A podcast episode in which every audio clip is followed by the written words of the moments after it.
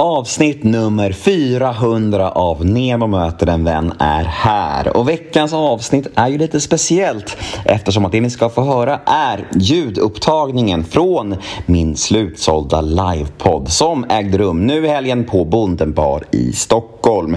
Och tanken var att jag skulle gästas av Messiah Hallberg, Ola Rapace och Torsten Flink denna afton. Men Torsten lämnade tyvärr återbud samma dag vilket gjorde att jag fick gå ut på jakt efter en ersättare.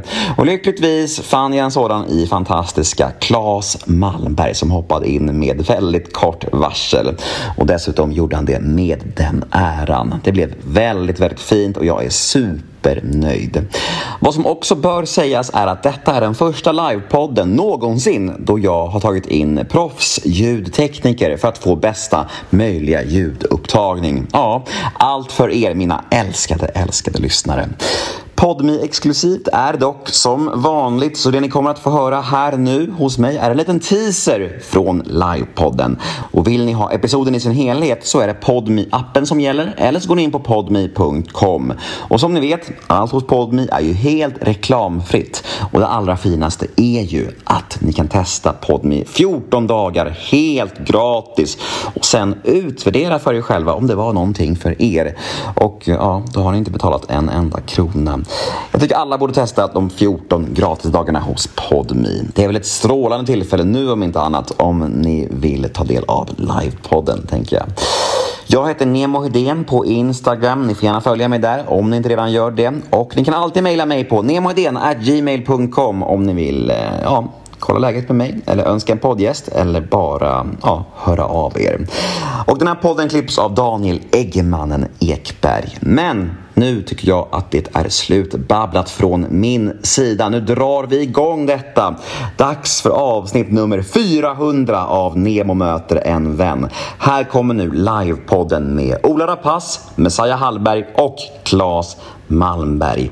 Och vill ni höra episoden i sin helhet, ja då är det Podmi som gäller. Men först kör vi en liten jingel. Nemo är en kändis, den största som vi har. Nu ska han snacka med en kändis och göra någon glad. Ja! Nemo, ja det är Nemo.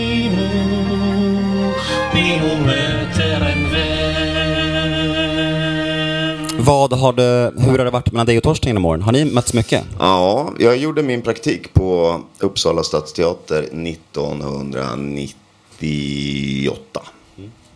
Då spelade Torsten eh, Gustav den tredje. Och jag hade en praktikplats liksom. Oj, förlåt. Eller var det jag? Nej, det var du. Jag bara, ja, förlåt. Så van vid att Ja, ja, få skit, alltid. Ja, förlåt, förlåt, förlåt. Ja, det är mitt fel. Ehm, och jag hade någon sån här liten praktikroll, Nordfält. Eller ah, nej, eh, Nordström hette jag. Eh, jag hade en replik och fick mest stå i vakt med jävligt snygga kläder och så här. Och sen så var jag den enda i ensemblen, eller på hela teatern, som kunde franska.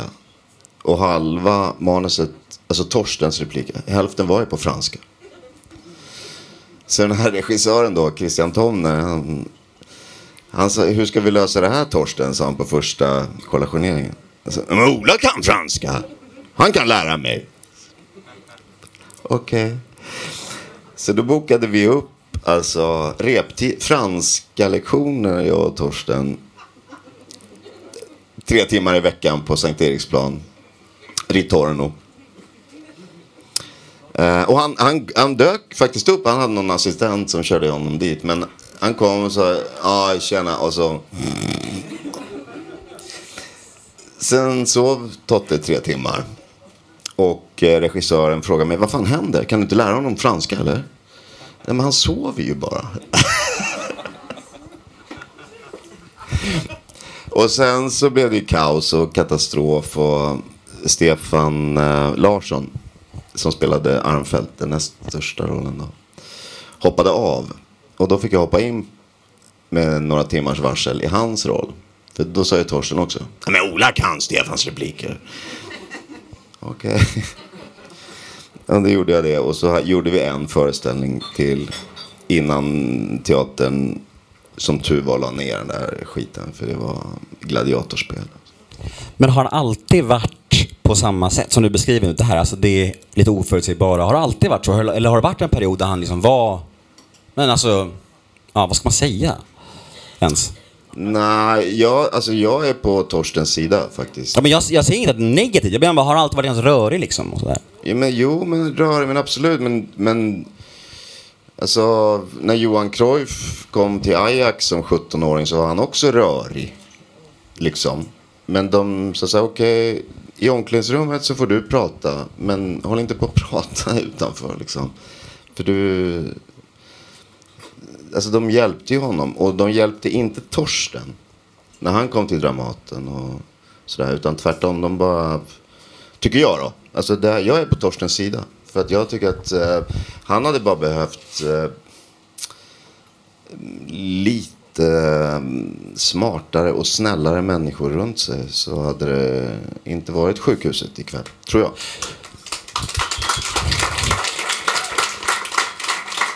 Men tror du att du är extra försvarande mot Torsten för att du själv har fått så mycket skit? Ja, eh, ja eller kanske, vadå? Jag kanske förstår honom mer.